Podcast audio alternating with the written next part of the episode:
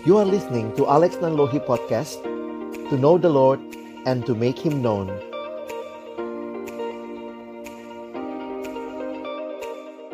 Mari jemaat yang dikasihi Tuhan, kita satukan hati berdoa mohon pimpinan Tuhan untuk pembacaan dan juga perenungan akan firman-Nya. Kita berdoa. Kami datang dalam ucapan syukur di hari perhentian yang Kau berikan kepada kami ya Tuhan. Terima kasih untuk anugerahmu yang besar yang memberikan kesempatan bagi kami untuk datang memuji dan memuliakan namamu, menaikkan doa kami kepadamu, dan tiba waktunya bagi kami untuk membuka firmanmu ya Tuhan. Kami percaya firmanmu adalah firman yang hidup dan yang menghidupkan. Firman yang kudus dan yang menguduskan kehidupan kami. Firman yang tidak berubah tapi firman yang kami percaya sanggup mengubah kehidupan kami. Itulah yang kami rindukan menjadi bagian semua kami yang hadir pada pagi hari ini di ruang virtual ini. Kami percaya Engkau hadir dan Engkau memberkati kami dengan setiap kebenaran. Rohmu yang kudus kiranya menerjemahkan setiap pergumulan kami di dalam terang firman-Mu ya Tuhan.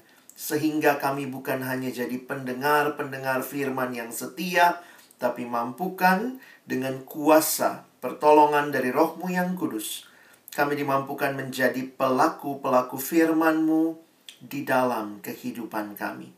Bersabdalah ya Tuhan kami umat-Mu sedia mendengarnya dalam satu nama yang kudus, nama yang berkuasa, nama Tuhan kami, Yesus Kristus Sang Firman yang hidup. Kami menyerahkan pemberitaan firman-Mu. Amin.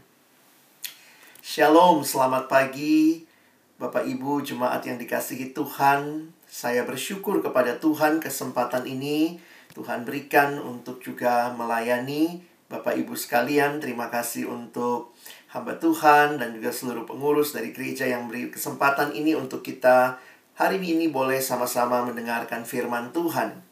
Bapak Ibu Saudara yang dikasihi Tuhan, ini adalah Minggu Palmarum, sudah banyak dijelaskan tadi oleh Pak Pendeta dan juga saya coba menyiapkan satu uh, slide presentasi untuk kita mengikuti khotbah pada hari ini. Jadi kalau kita melihat di dalam gereja, tradisi di dalam gereja kita memperingati, merayakan Minggu Palma, Minggu Palmarum dan ini mengingatkan kita tentang apa yang ada di dalam Alkitab. Dan saya pikir banyak hal-hal yang kembali kita bisa maknai, kita bisa refleksikan secara khusus di tengah-tengah pergumulan kehidupan kita. Sudah satu tahun berlalu sejak kita juga mengalami pergumulan yang menjadi pandemik di seluruh dunia, yaitu coronavirus ini. Awalnya cuma masalah kesehatan Bapak Ibu ya, tapi kemudian menjadi masalah yang lebih luas, jadi masalah sedunia, jadi masalah sosial, jadi masalah ekonomi, jadi masalah uh, pendidikan begitu ya, sehingga anak-anak kita juga belajarnya dari rumah, online studi begitu ya. Bapak Ibu juga yang mungkin bekerja harus uh, bekerja dari rumah atau mungkin masuknya bergantian. Dan ini semua membuat kita juga melihat ya tidak mudah. Sekali lagi tidak mudah. Tidak ada dari kita yang expert dalam pandemi karena ini juga baru dalam generasi Bapak Ibu dan saya mungkin kita mengalami hal seperti ini. Termasuk dalam bidang spiritual sampai kita kan harus ibadah secara online seperti ini. Tetapi yang menarik bahwa Tuhan hadir dan tidak terbatas kuasanya. Dan karena itulah kita tetap bisa berharap dan bacaan Alkitab hari ini dalam Injil Yohanes pasal 12 ayat 12 sampai 19 juga menyatakan pengharapan umat pada waktu itu. Nah, nanti kita akan melihat apa yang disampaikan. Nah, penting untuk kita memperhatikan bahwa Yohanes 12 didahului dengan Yohanes 11 ketika Yesus membangkitkan Lazarus. Dan sebagai peristiwa mujizat yang luar biasa, tentunya berita ini tersebar. Rumor, uh, bukan rumor ya, jadi akhirnya banyak orang yang pastinya ingin kenal Yesus seperti apa.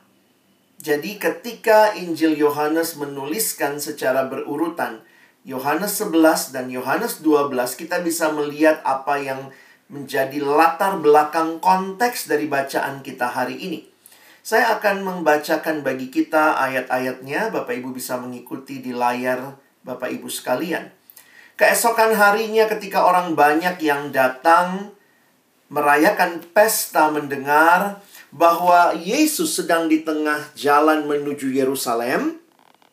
Mereka mengambil daun-daun palem dan pergi menyongsong dia sambil berseru-seru, Hosana, diberkatilah dia yang datang dalam nama Tuhan, Raja Israel. Yesus menemukan seekor keledai muda, lalu ia naik ke atasnya seperti ada tertulis, Jangan takut, hai putri Sion, lihatlah rajamu datang, duduk di atas seekor anak keledai. Mula-mula murid-murid Yesus tidak mengerti akan hal itu. Tetapi sesudah Yesus dimuliakan, teringatlah mereka bahwa nas itu mengenai dia. Dan bahwa mereka telah melakukannya juga untuk dia. Orang banyak yang bersama-sama dengan dia ketika ia memanggil Lazarus keluar dari kubur dan membangkitkannya dari antara orang mati, memberi kesaksian tentang dia. Sebab itu, orang banyak itu pergi menyongsong dia karena mereka mendengar bahwa ia yang membuat mujizat itu. Maka kata orang-orang Farisi seorang kepada yang, yang lain, "Kamu lihat sendiri bahwa kamu sama sekali tidak berhasil.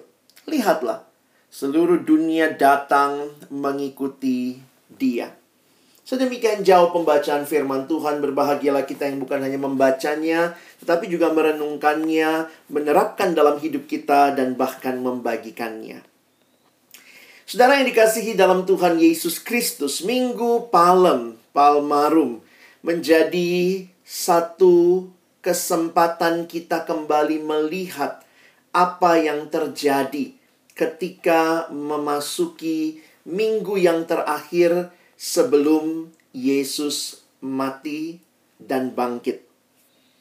Ayat yang saya ingin kita fokuskan pada pagi hari ini adalah ayat 12 dan 13.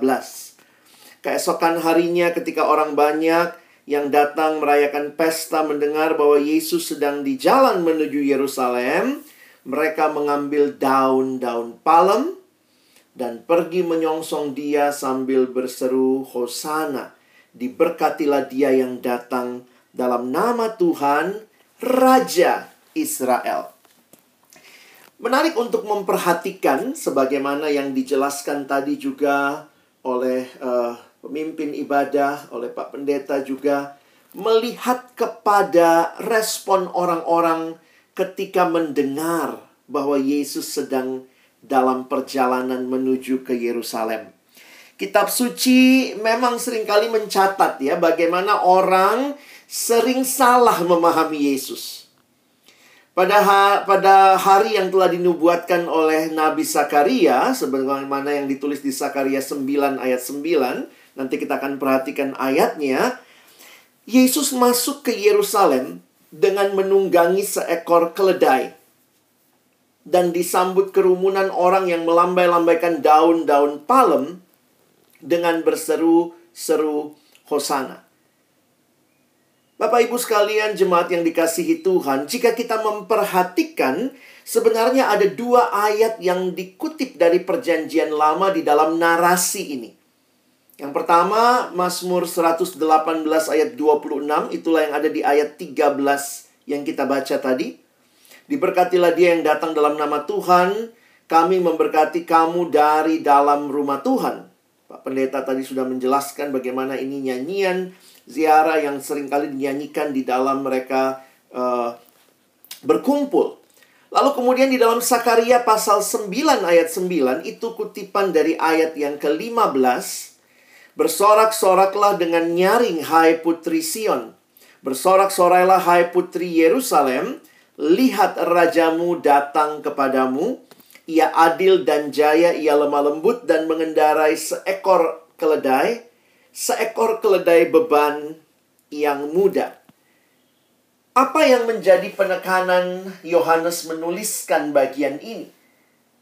Ketika dia mengajak kita melihat juga apa yang sebenarnya sudah dinubuatkan.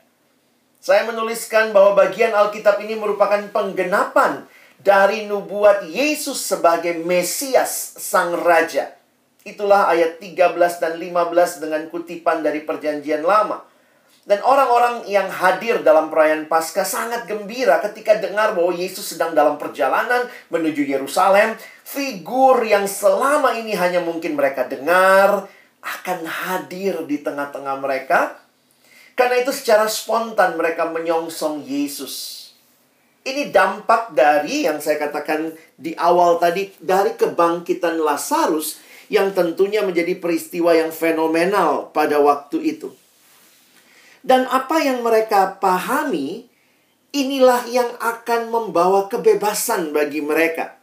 Sehingga di dalam kita memahami daun palem ada satu komentari tafsiran yang mengatakan daun-daun palem yang mereka bawa ini adalah bentuk penghormatan istimewa yang biasa dilakukan untuk menyambut para pahlawan yang pulang dari medan pertempuran, tentunya yang menang ya, yang membawa kemenangan. Bahkan di dalam Injil yang lain mereka menghamparkan juga pakaian mereka, ranting-ranting ini menunjukkan adanya sambutan yang luar biasa kepada Yesus dan mereka berseru Hosana. Saudara yang dikasihi Tuhan, apa arti kata Hosana? Itu tema kita pada pagi hari ini. Sebenarnya di dalam uh, mengerti hal ini, kita bisa menyelidiki dari akar katanya. Karena tanpa sadar ya, kalau kita dengar kata Hosana saat ini, sering kali Hosana dianggap sebagai pernyataan pujian. Sama kayak kita bilang, haleluya, Hosana begitu ya. Namun sebetulnya ini merupakan permohonan supaya diselamatkan. Wah. Jadi bicara hosana itu jangan juga orang-orang zaman sekarang itu kadang menggunakan kata-kata di Alkitab itu hanya seperti uh, apa ya oh ya puji Tuhan haleluya karena Kristen gitu ya kejedut aduh maranata uh, jatuh tersungkur oh hosana kita bisa begitu kaya kalimat-kalimat Alkitab, tapi apakah kita memahami maknanya? Hosana sebetulnya merupakan sebuah permohonan supaya diselamatkan. Ini sebuah seruan. Kalau nanti kita mempelajari in, uh, mar, uh, Mazmur tadi, Mazmur 118 ayat 26, maka ada beberapa terjemahan yang langsung menggunakan istilah save me. Selamatkan kami atau selamatkan aku. Sementara beberapa terjemahan yang lain menggunakan istilah diberkatilah. Jadi mungkin banyak orang yang menganggap oh ini sama dengan haleluya. Sama dengan terpujilah Tuhan. Tetapi dari kata Ibrani Yasha, artinya selamatkan, dan Ana berarti memohon atau mengemis, jika digabungkan akan menjadi istilah yang diterjemahkan sebagai Hosana. Jadi secara harafiah, Hosana berarti saya memohon tolong selamatkan saya.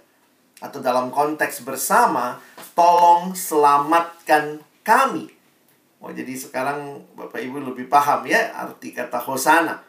Tidak hanya seruan, tetapi sebuah permohonan agar kita boleh mengalami keselamatan. Jadi kembali ke konteks pada waktu umat Allah, orang Israel yang waktu itu berkumpul di Yerusalem karena hari raya. Kita tahu orang Yahudi dewasa, laki-laki harus datang satu tahun tiga kali ke Yerusalem untuk beberapa perayaan dan ketika mereka datang, nah pada waktu itu Yesus juga datang, approaching Jerusalem. Lalu kemudian seruan ini. Jadi ketika Yesus menunggang keledai masuk ke Yerusalem, kerumunan orang itu berseru Hosana dan seruan itu sebenarnya tidak salah. Mereka sedang mengakui Yesus sebagai Mesias mereka. sebagaimana tampak dengan julukan kalau kita lihat juga di dalam bagian ini adalah mereka mengatakan uh, anak Daud begitu ya. Nah, memang kalau kita perhatikan di dalam Injil Yohanes tidak terlihat tetapi di dalam Injil lain ya. Kalau di sini Hosana diberkatilah dia yang datang dalam nama Tuhan Raja Israel. Jadi mereka berseru meminta diselamatkan dan menyadari bahwa memang Yesus dapat menyelamatkan mereka. Atau paling tidak itu yang mereka pahami sejauh ini ketika mungkin mereka begitu takjub baik yang melihat langsung kebangkitan Lazarus maupun yang mendengar tentang kebangkitan Lazarus. Tetapi Bapak Ibu Saudara yang dikasihi Tuhan, sesungguhnya ya, sesungguhnya orang banyak dalam Yohanes 12 ini mengharapkan Mesias politik. Raja duniawi, yaitu raja yang akan membebaskan mereka dari penjajahan Romawi. Itu harapan mereka ketika menyambut Yesus karena itu tidak heran beberapa hari kemudian ketika Mesias yang mereka pikirkan akan menyelamatkan mereka dari orang Romawi malah dijatuhi hukuman mati oleh pemerintah Romawi. Jeng jeng jeng, kita salah ini. Mesiasnya salah. Mereka pun melihat ketika waktu itu berkumpul, mereka melihat Yesus tidak menunjukkan kuasanya sebagaimana yang mungkin mereka harapkan dia saja bisa bangkitkan Lazarus.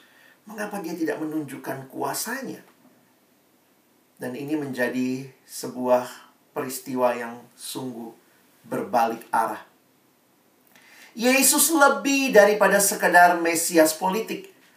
Sebenarnya kalau mereka jeli memperhatikan nubuat Sakaria, Yesus sedang menggenapi nubuat itu. Dan memang baru kemudian hari murid-murid menyadari itu bahwa Yesus tidak masuk ke kota Yerusalem meng mengendarai seekor kuda layaknya raja yang dipahami, yang punya kuasa pada waktu itu.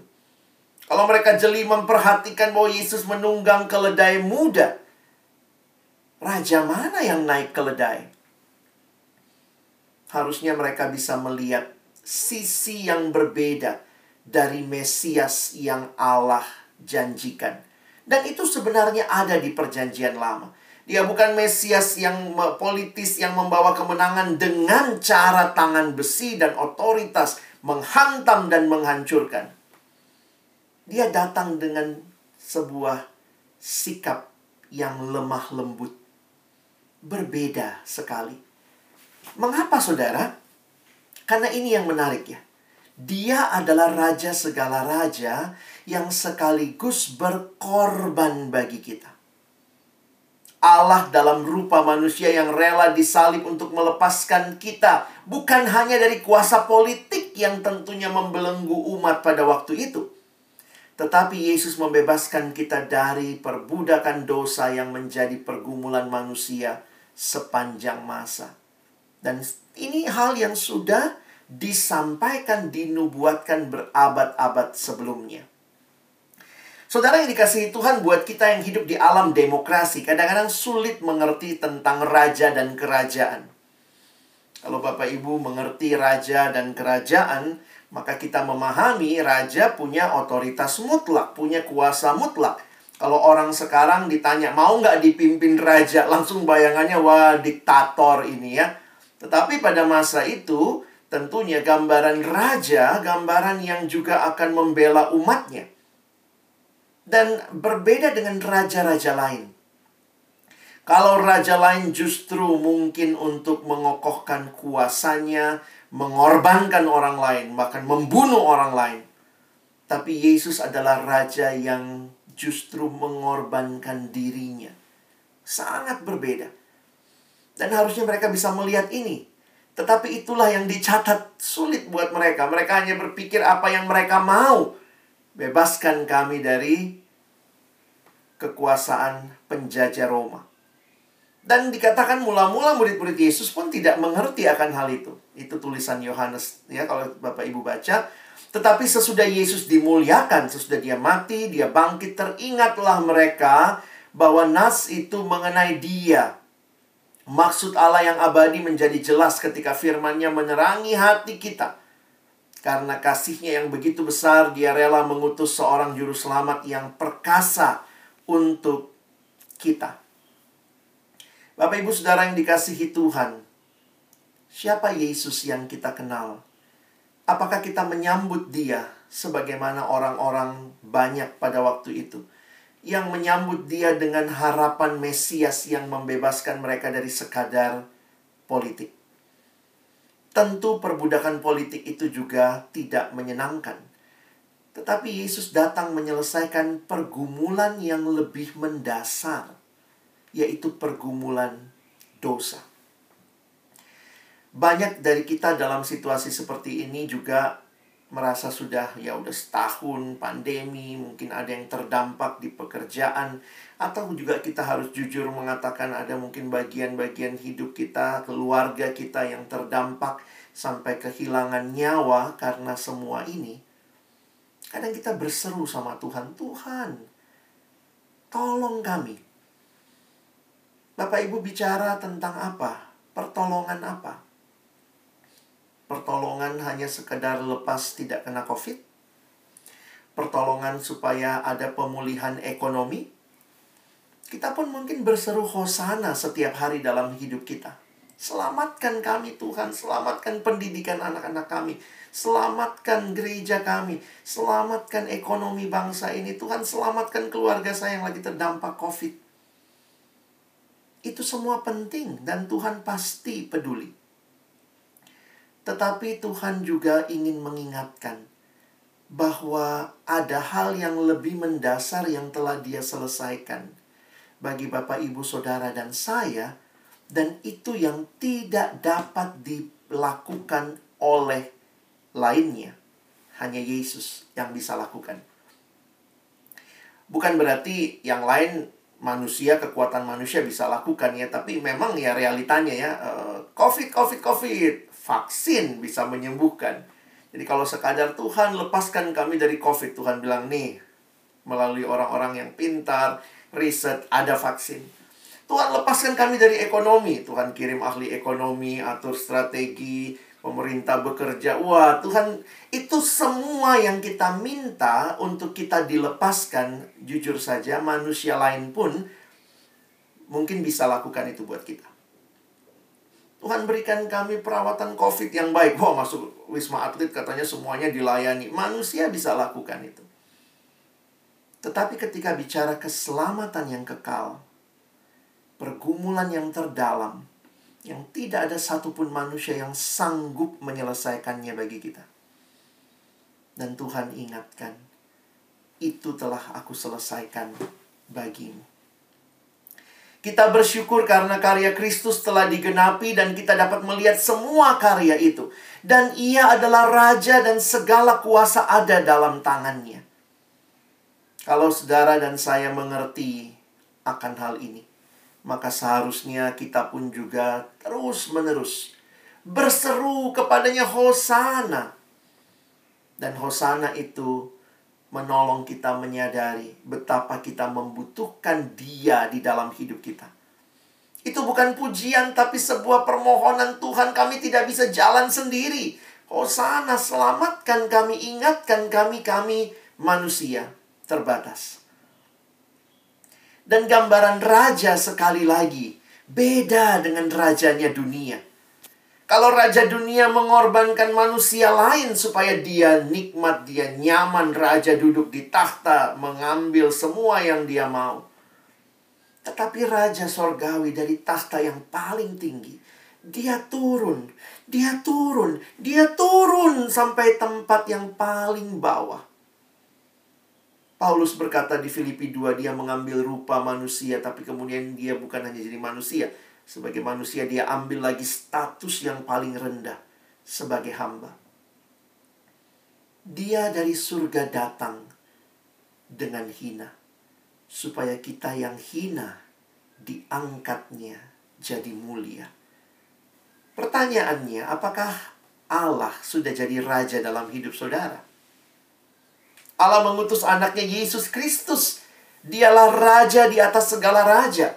Ketika mereka berkata, dialah raja Israel, menggenapkan apa yang ditulis di perjanjian lama, tetapi dia bukan hanya raja atas orang Israel, dia raja atas segala bangsa. Dan kembali Minggu Palmarum ini mengingatkan kita. Kalau orang-orang waktu itu menyambut Yesus sebagai Mesias, tapi dengan pengertian yang salah, maka betapa luar biasanya anugerah saudara dan saya sudah lihat karyanya yang genap di kayu salib. Dan kita pun harus bisa melihat dan mengakui, yes, engkau adalah raja. Bapak Ibu kalau lihat statusnya anak sekarang tuh kalau lihat status Facebook, Instagram, kalau dia suka diapain? di like ya. Tapi ada satu kutipan dari pendeta Timothy Keller yang berkata, kalau saudara kenal Yesus, Jesus cannot be just like. Yesus nggak bisa, oh aku like nggak like ya. Tetapi dia katakan, his claims, pernyataan-pernyataannya ketika Yesus berkata, aku mengampuni dosa. Aku menyelamatkan manusia berdosa. His claims make us either kill him or crown him. Kalau betul Yesus adalah seperti yang dia nyatakan, maka tidak ada pilihan lain bagi kita selain merajakan dia dalam hidup kita. Kalau tidak ya, kita sebenarnya sedang membunuh dia. Ya sudahlah Tuhan, saya juru selamatnya, saya nggak butuh engkau, saya masih rajanya, saya rajanya. Maka ketika kita menyadari dia raja, maukah kita buka hati terima dia dalam hidup kita? Menerima sang raja yang datang menyelesaikan pergumulan saudara dan saya. Terima dia di hati kita. Menjadikan dia satu-satunya raja dalam hidup kita. Saudara mungkin ini terdengarnya klise. Wah, dia raja, saya terima Yesus, jadikan dia raja di hati kita. Tapi memang ini nggak mudah. Tidak mudah sama sekali. Ketika Natal kemarin, uh, salah satu refleksi yang saya coba renungkan adalah soal ini ya. Masih ingat waktu para majus datang, datang ke Yerusalem, uh, karena mereka melihat bintangnya bintangnya muncul, wah ini bintang lahir raja. Kalau begitu datangnya ke mana? Ke Yerusalem, pusat agama Yahudi. Di situ ada raja mereka yang raja boneka si Herodes. Makanya mereka datang ke istana Herodes dan nanyanya begini. Di manakah dia raja orang Yahudi yang baru dilahirkan itu? Wah, pada waktu itu kan raja diteruskan generasinya oleh raja lagi ya, anaknya ya putra mahkota dan seterusnya. Jadi waktu dia datang, di manakah mereka datang? Di mana raja orang Yahudi yang baru dilahirkan itu? Kami telah melihat bintangnya di timur dan kami datang untuk menyembah dia. Wah, pasti Herodes ini bingung gitu ya. Mungkin dia cek istri siapa yang istriku, mana yang hamil ini. Ada yang baru melahirkan nggak? Cek semua istrinya gitu ya. Wah, nggak ada. Makanya di dalam ayat yang ketiga Matius pasal 2 dikatakan ketika Raja Herodes mendengar hal itu, terkejutlah ia beserta seluruh seluruh Yerusalem. Ini kalau filmnya Walt Disney gitu ya, itu satu kota tuh lompat semua set gitu ya. Terkejutlah beserta seluruh Yerusalem. Apa arti terkejut? Berarti gelisah, khawatir, terganggu. Kenapa dia terganggu?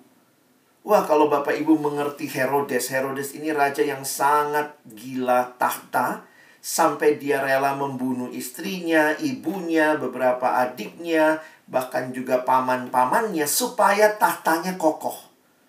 Jadi ini raja yang ketika didatangin lalu ditanya, "Mana raja yang baru lahir?" Maka tidak ada lain. Dia terganggu, dia khawatir, dia gelisah. Dan akhirnya kan dia membunuh anak-anak di bawah usia 2 tahun. Itu sangat mengerikan. Mungkin kalau kita pikir, wih Herodes ini ngeri sekali. Jadi raja kok kayak begitu. Takut sekali tahtanya diambil. Tapi refleksi saya bicara begini, saudara ya. Reaksi Raja Herodes terhadap kehadiran Kristus sesungguhnya adalah cerminan kita semua. Manusia yang sudah jatuh ke dalam dosa, yaitu manusia yang juga selalu berpikir dirinya raja ya. Wah, padahal kita tuh bukan raja. Manusia kita selalu lupa diri bahwa kita bukan raja. Ada raja yang harusnya kita sembah dalam hidup ini. Karena itu menarik ya Bapak Ibu. Kalau Yesus yang lahir pada waktu Natal kemarin kita rayakan adalah raja yang sejati, maka setiap kita yang menyambutnya dalam hidup kita. Saudara dan saya harus rela turun tahta, bukan engkau lagi rajanya. Bukan saya rajanya, tapi dia. Mengapa? Ya karena di tahta itu cuma boleh duduk satu orang gitu ya kalau pakai bahasa manusia. Well, only one person can sit on absolute throne. Ini kalimat dari pendeta Timothy Keller. Hanya satu orang yang bisa duduk di tahta yang sesungguhnya. Nggak bisa dua raja duduk di sana pangku-pangkuan. Nggak ada dalam dunia kuno hanya satu rajanya. Only one person can sit on the absolute throne. Kalau Yesus adalah raja dalam hidupku. Maka berarti Bapak, Ibu, Saudara, dan saya, kita harus rela turun tahta. Serahkan kendali hidup kita pada raja yang sesungguhnya. Dan sebagai raja yang sesungguhnya, dia bukan raja yang semena-mena seperti raja dunia. Raja dunia yang mengorbankan orang lain, dia raja yang mengorbankan dirinya. Raja dunia yang mematikan orang lain, tapi dia raja yang rela mati bagi orang lain. Karena itu kalau kita sekarang menyambut dia seperti orang-orang menyambut di Minggu Palmarum ini ya. Maka sebagai warga kerajaan Allah, marilah kita hidup taat kepada raja kita. Hormati sang raja. Itu kewajiban dan tanggung jawab kita sebagai warganya dan nilai-nilai ketaatan dan penghormatan kita seharusnya menyatu dan tercermin dalam diri kita.